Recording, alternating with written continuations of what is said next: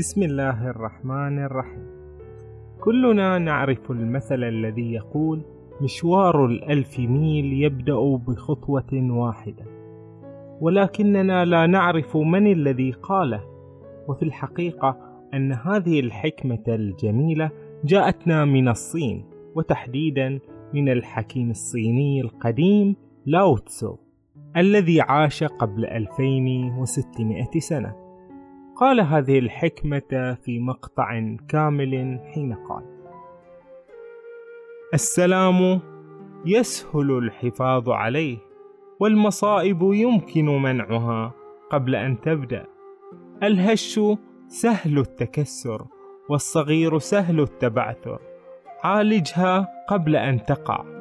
نظم الأشياء قبل أن تنفرط. إن دوحة بقدر ذراعي الإنسان تنشأ من فسيلة ومدرج من تسعة طوابق يبدأ من لبنة. ورحلة الألف لي تبدأ بخطوة واحدة. من يفعل يخسر الهدف من يمسك يضيع والحكيم لا يفعل فلا يخسر ولا يمسك فلا يضيع. يفشل الناس عادة حين يوشكون على النجاح. فأعط النهاية من الاهتمام ما تعطيه للبداية فبذلك يتجنب الإخفاق.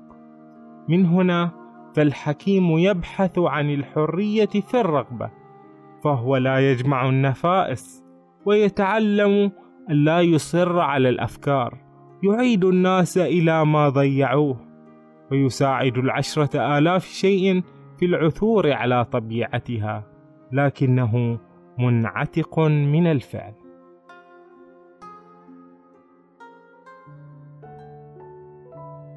هذا الحكيم الصيني لديه الكثير ليقوله لنا.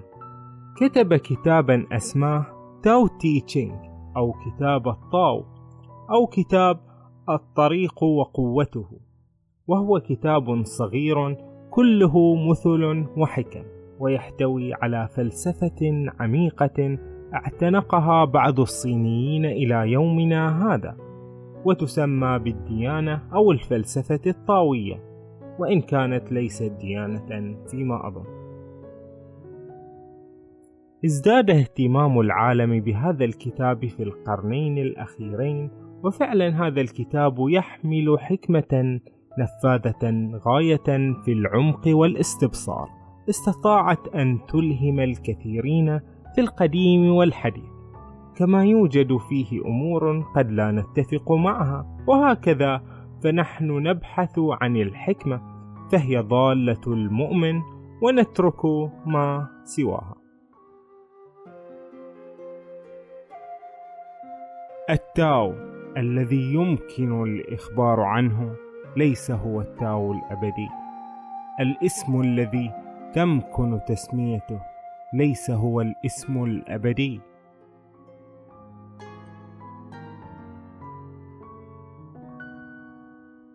ولكن ما هو التاو؟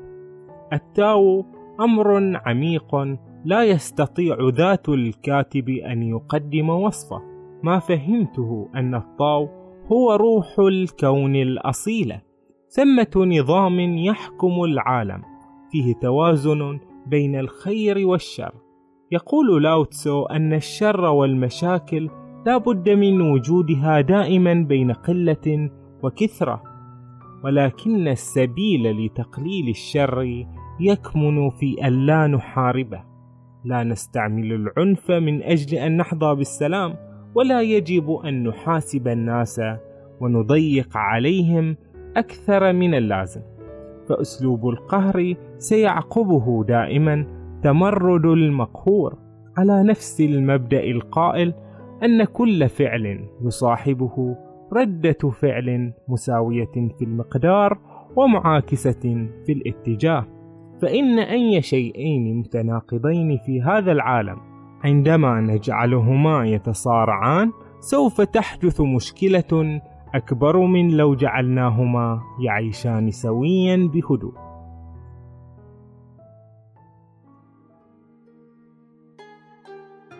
حينما يدار البلد بلطف فالناس بسطاء. وحين يدار بفظاظة تخبث نفوسهم. تتجذر السعادة في الشقاء ويكمن الشقاء في السعادة. من يدري ماذا يخبئ المستقبل؟ وحيرة الإنسان تدوم أمدا بعيدا. من هنا فالحكيم حاد لا يقطع مسنن لا يخدش مستقيم ولكن بوازع لامع ولكن لا تعشى به العيون.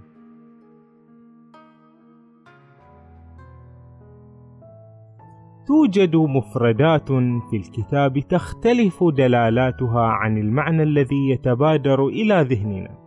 على سبيل المثال الكاتب كثيرا ما يقول لا تفعل شيئا أو مبدأ لا فعل وهو بذلك لا يقصد أن نكون كسولين ولكن هو يريد معنى أعمق من ذلك وهو ألا تتكلف الأفعال التي تقوم بها.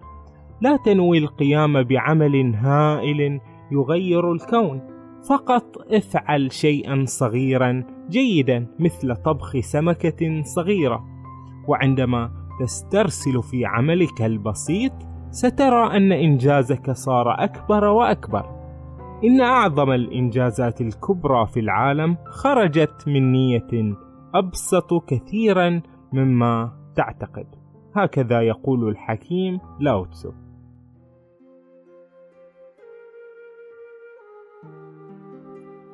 مارس اللا فعل اشتغل دون فعل.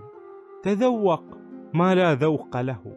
عظم الصغير وكثر القليل. كافئ المرارة بالرعاية. أبصر البساطة في المركب. أنجز العظيم من الأشياء الصغيرة. في العالم الأمور الصعبة تتم وكأنها أمور يسيرة. في العالم الأفعال العظيمة تأتي من الأفعال الصغيرة. الحكيم لا يجرب أي أمر عظيم وبهذه الطريقة يحقق العظمة. الوعود المجانية تضعف الثقة. التهاون بالأمور يخلق المصاعب.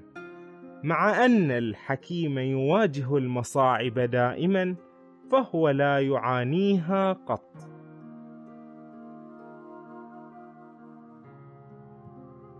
ونأخذ مفردة أخرى هي الأذكياء مثلا.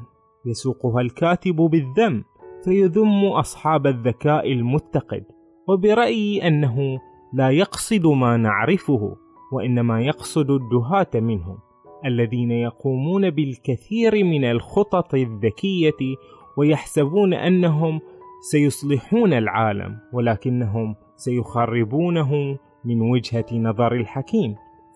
تحدث جلال الدين الرومي يوما بمقولة تتفق مع هذا المفهوم فقال: بالأمس كنت ذكيا فأردت أن أغير العالم، واليوم أنا حكيم ولذلك سأغير نفسي. ويقصد فيما أفهم بالأذكياء رتبة في الوعي أقل من رتبة الحكماء. يبدو أن الكتاب موجه بالدرجة الأولى إلى حاكم الدولة ينصحه بكثير من الرؤى والمثل التي يجب أن يفهمها ولكن الكتاب يصلح لأن نقرأه نحن أيضا بعد آلاف السنين وأن نأخذ من هذا الكتاب أجمله ونترك الأفكار الغير صحيحة والتي لا تناسبنا.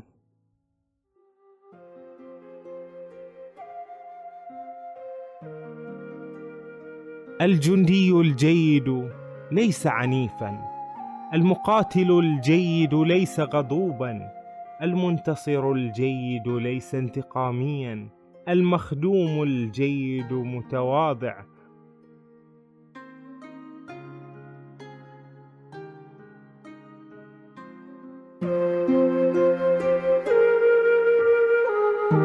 اثنتا عشرة حكمة من كتاب الطاو. للحكيم الصيني لاو تسو يتكلم فيها حول فلسفة الطاو. شيء ما تشكل في السر ولد قبل السماوات والأرض في الصمت والخلاء احديا لا متغيرا حاضرا ابدا ومتحركا ابدا. أنا لا أعرف اسمه لكني أسميه التاو.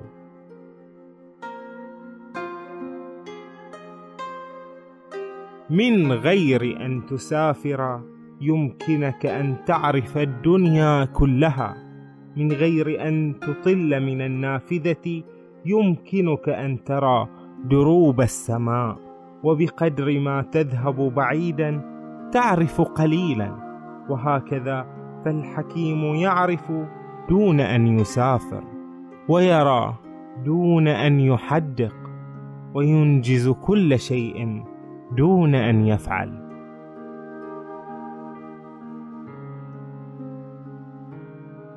في متابعة التعليم تستجد كل يوم حاجة في متابعة التاو ينقص في كل يوم شيء. افعل الأقل فالأقل حتى تستكمل اللا فعل وإذ لا تفعل شيئا فلن يبقى شيء غير مفعول. العالم يقوم على ترك الأمور لمجاريها ولا يمكن أن يدار بالتدخل.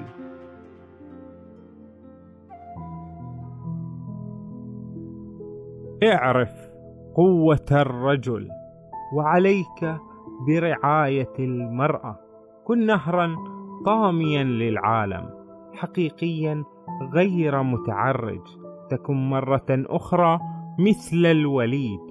أعرف الأبيض وعليك بالأسود كن أسوة الدنيا حقيقيا غير متعرج تبلغ اللانهايه أعرف الشرف وعليك بالتواضع كن وادي الدنيا فأن تكون وادي الدنيا حقيقيا مفعما تكتسب حالة اللوح غير المنقوش. متى يكن اللوح منقوشا؟ يكن صالحا للاستعمال ومتى استعمله الحكيم؟ يصبح حاكما. وهكذا الخياط العظيم قلما يستعمل المقص.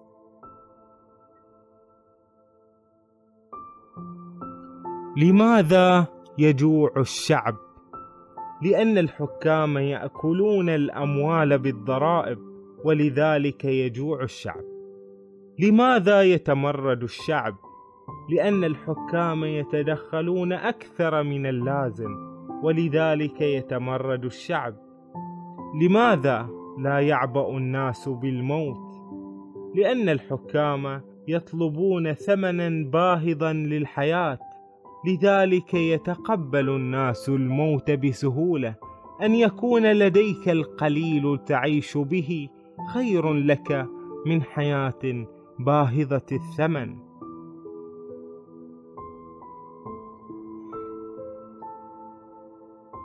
يولد الإنسان رقيقا واهنا ويموت صلبا يابسا يبدأ النبات غضا مترعا بالنسغ ويموت ذابلا جافا.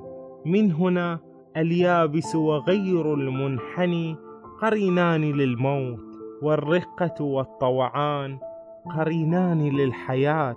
وهكذا لن ينتصر جيش بلا مرونة. والشجرة التي لا تنحني سهلة الكسر. يسقط الشديد والصلد ويعيش الناعم والضعيف.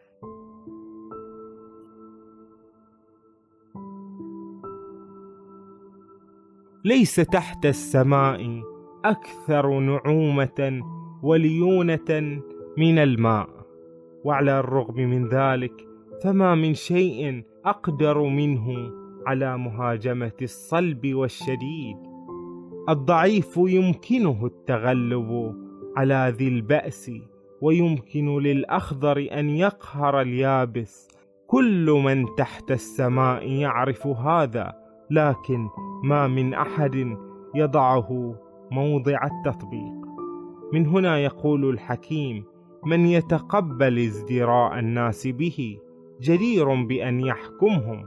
من يتحمل مشاكل البلاد جدير بأن يكون ملك الدنيا وكثيرا ما تبدو الحقيقة متناقضة.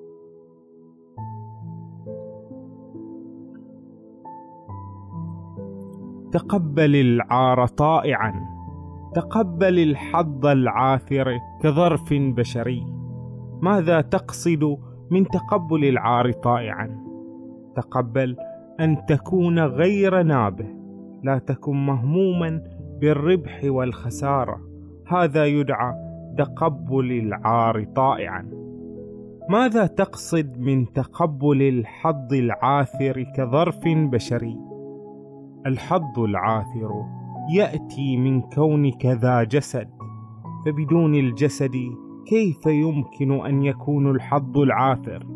كن هينا خشوعا يكن لك الحق في رعاية كل الأشياء أحبب العالمين. كما تحب نفسك يمكنك أن تعتني مخلصا بكل الأشياء.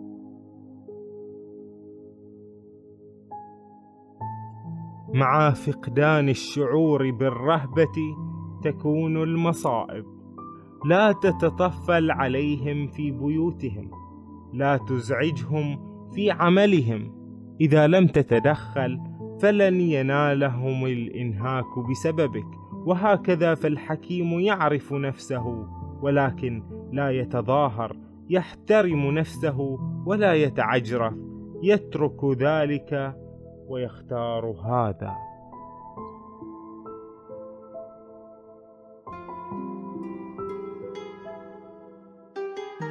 يقبع التاو في اللافعل ولكن لا شيء يبقى غير مفعول.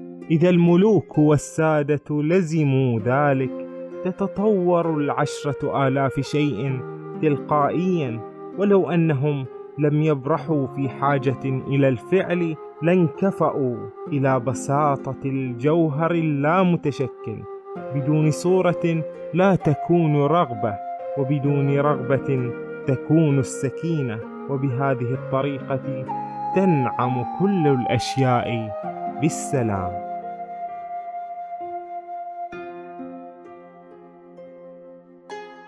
الخير بحق لا يدري أنه خير ومن هنا فهو خير. المعتوه يحاول أن يكون خيرا وهو لذلك ليس خيرا. الخير بحق لا يفعل شيئا ولكنه لا يدع شيئا غير مفعول. المعتوه يفعل دائما ويبقى الكثير محتاجا إلى الفعل. حينما يفعل الرحيم بحق شيئا ما لا يدع شيئا غير مفعول. حينما يفعل العادل شيئا ما يبقى لديه الكثير مما يجب أن يفعل.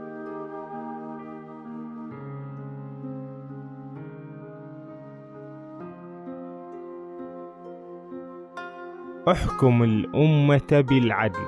كن سيد العالم. دون إجهاد. مع المزيد من الأوامر والنواهي يزداد الفقراء فقرا. مع الأسلحة الأكثر فتكا يكون المزيد من المشاكل في البلاد. مع المزيد من الأذكياء والبارعين يأتي المزيد من الغرائب. ومع المزيد من الأحكام والتعليمات يكون المزيد من اللصوص والنهابين. من هنا يقول الحكيم لا أقوم بأي فعل فينصلح الناس. ألتزم السلام فيصبح الناس أنبل. لا أفعل شيئا فيصبح الناس أغنياء.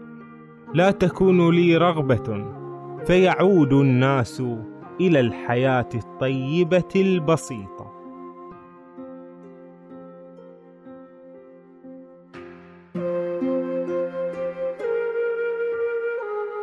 إحدى عشرة حكمة من كتاب الطاو للحكيم الصيني لاو تسو يتكلم فيها حول الأخلاق والمثل. أتحسب أنك قادر على تولي أمر العالم وتحسينه؟ أنا لا أرى ذلك ممكنا. العالم مقدس ولا يسعك تحسينه.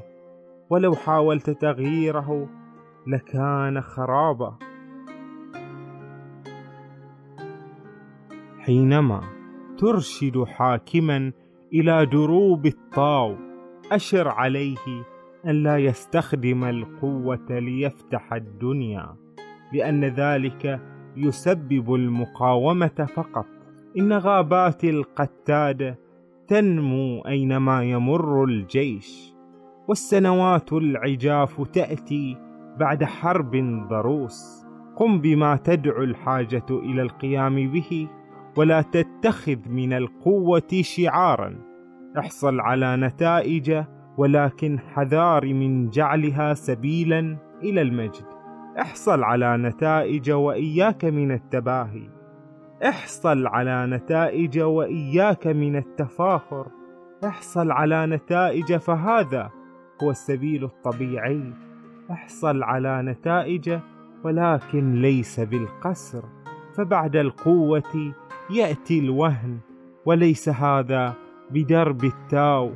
إن من يسير خلافا للتاو يخترم على عجل.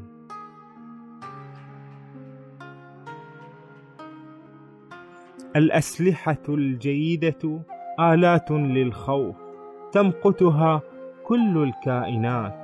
ولذلك لا يستعملها أهل التاو قط.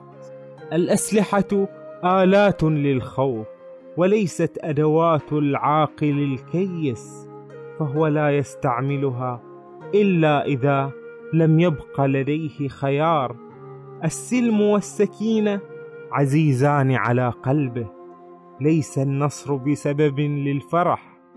إن من يفرح بالنصر يفرح بالقتل ولئن فرحت بالقتل فلن يمكنك استكمال ذاتك. عندما يقتل عدد كبير من الناس ينبغي النواح عليهم بمرارة.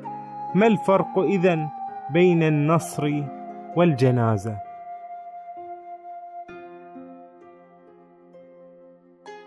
الذي ينكمش يجب أن يتسع اولا. الذي يخيب يجب أن يكون شديد البأس اولا. الكسيف البالي يجب إعلاؤه أولا وقبل الأخذ يجب أن يكون العطاء. هذا يدعى إدراك سجية الأشياء. الضعيف الرخو يغلب الشديد الصلب. لا يستطيع السمك أن يغادر المياه العميقة.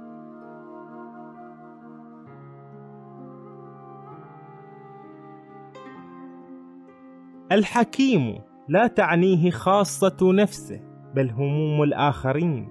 أنا خير مع الأخيار وخير مع غير الأخيار لأن التي هي الخير. لي ثقة بالأوفياء ولي أيضا ثقة بغير الأوفياء لأن التي هي الوفاء. الحكيم خشوع متواضع ويبدو أمام العالمين مشوشا ينظر إليه الأنام ويستمعون. أما هو فيتصرف مثل طفل صغير.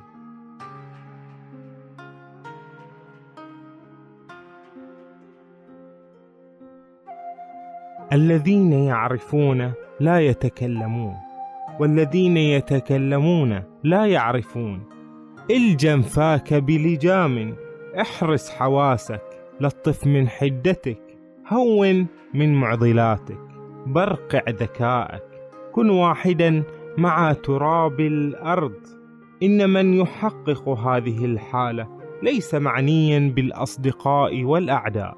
إن هذه لهي الحالة الأرقى.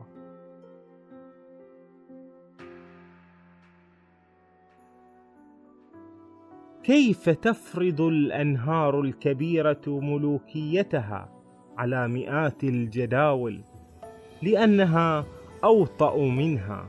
ذلك ما يجعلها ملوكا على مئات الجداول. فإذا شاء الحكيم أن يرشد الناس فعليه أن يتضع بحيث إذا كان فوقهم لا يثقل ظهورهم وحين يكون في الرأس لا يشعرون بالأذى. وعندئذ سيكون كل ما تحت السماء مسرورا لأنه منقاد به ولا يجدون توجيهاته مضجرة لهم. الحكيم لا ينخرط في منافسة فلا أحد ينافسه.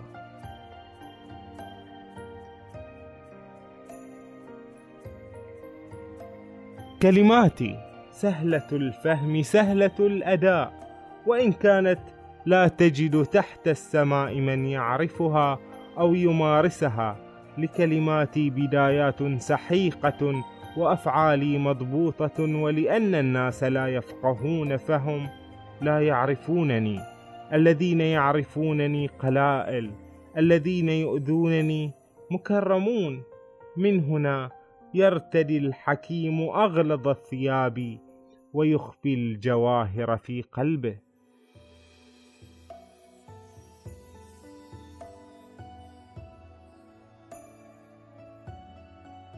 حيث يكون التاو العظيم منسيا تظهر الرأفة والأخلاق حيث تولد الحكمة والفطنة تبدأ المزاعم العظيمة. حينما ينعدم السلام داخل الأسرة تظهر طاعة الوالدين والإخلاص. حينما تعم الفوضى يظهر الوزراء المخلصون.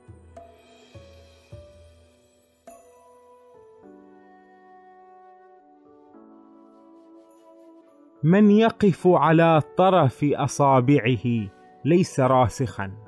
من يمشي الوجيف يعجز عن مواصلة المشي. من يعدد مآثره للناس ليس متنورا. البار بنفسه لا يستحق التبجيل. المتباهي لا ينجز شيئا. والمدل بنفسه جزوع. تبعا لأهل التاو. كل أولئك طعام زائد ومتاع عارض لا يجلب السعادة ولذلك يجانبه أهل التاو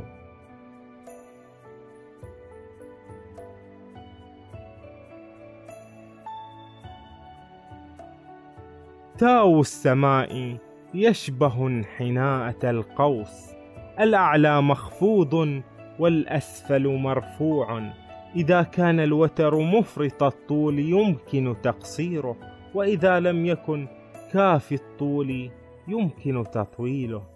تاو السماء هو أن تأخذ من المكثرين وتعطي المقلين. ونهج الإنسان على النقيض فهو يأخذ من المقلين ويعطي المكثرين. من هذا الذي يملك أكثر من حاجته ويعطيه العالم؟ فقط هو إنسان التاو. من هنا يشتغل الحكيم دون إدلال ويؤدي ما عليه دون إلحاف ولا يحاول أن يظاهر بمعرفته.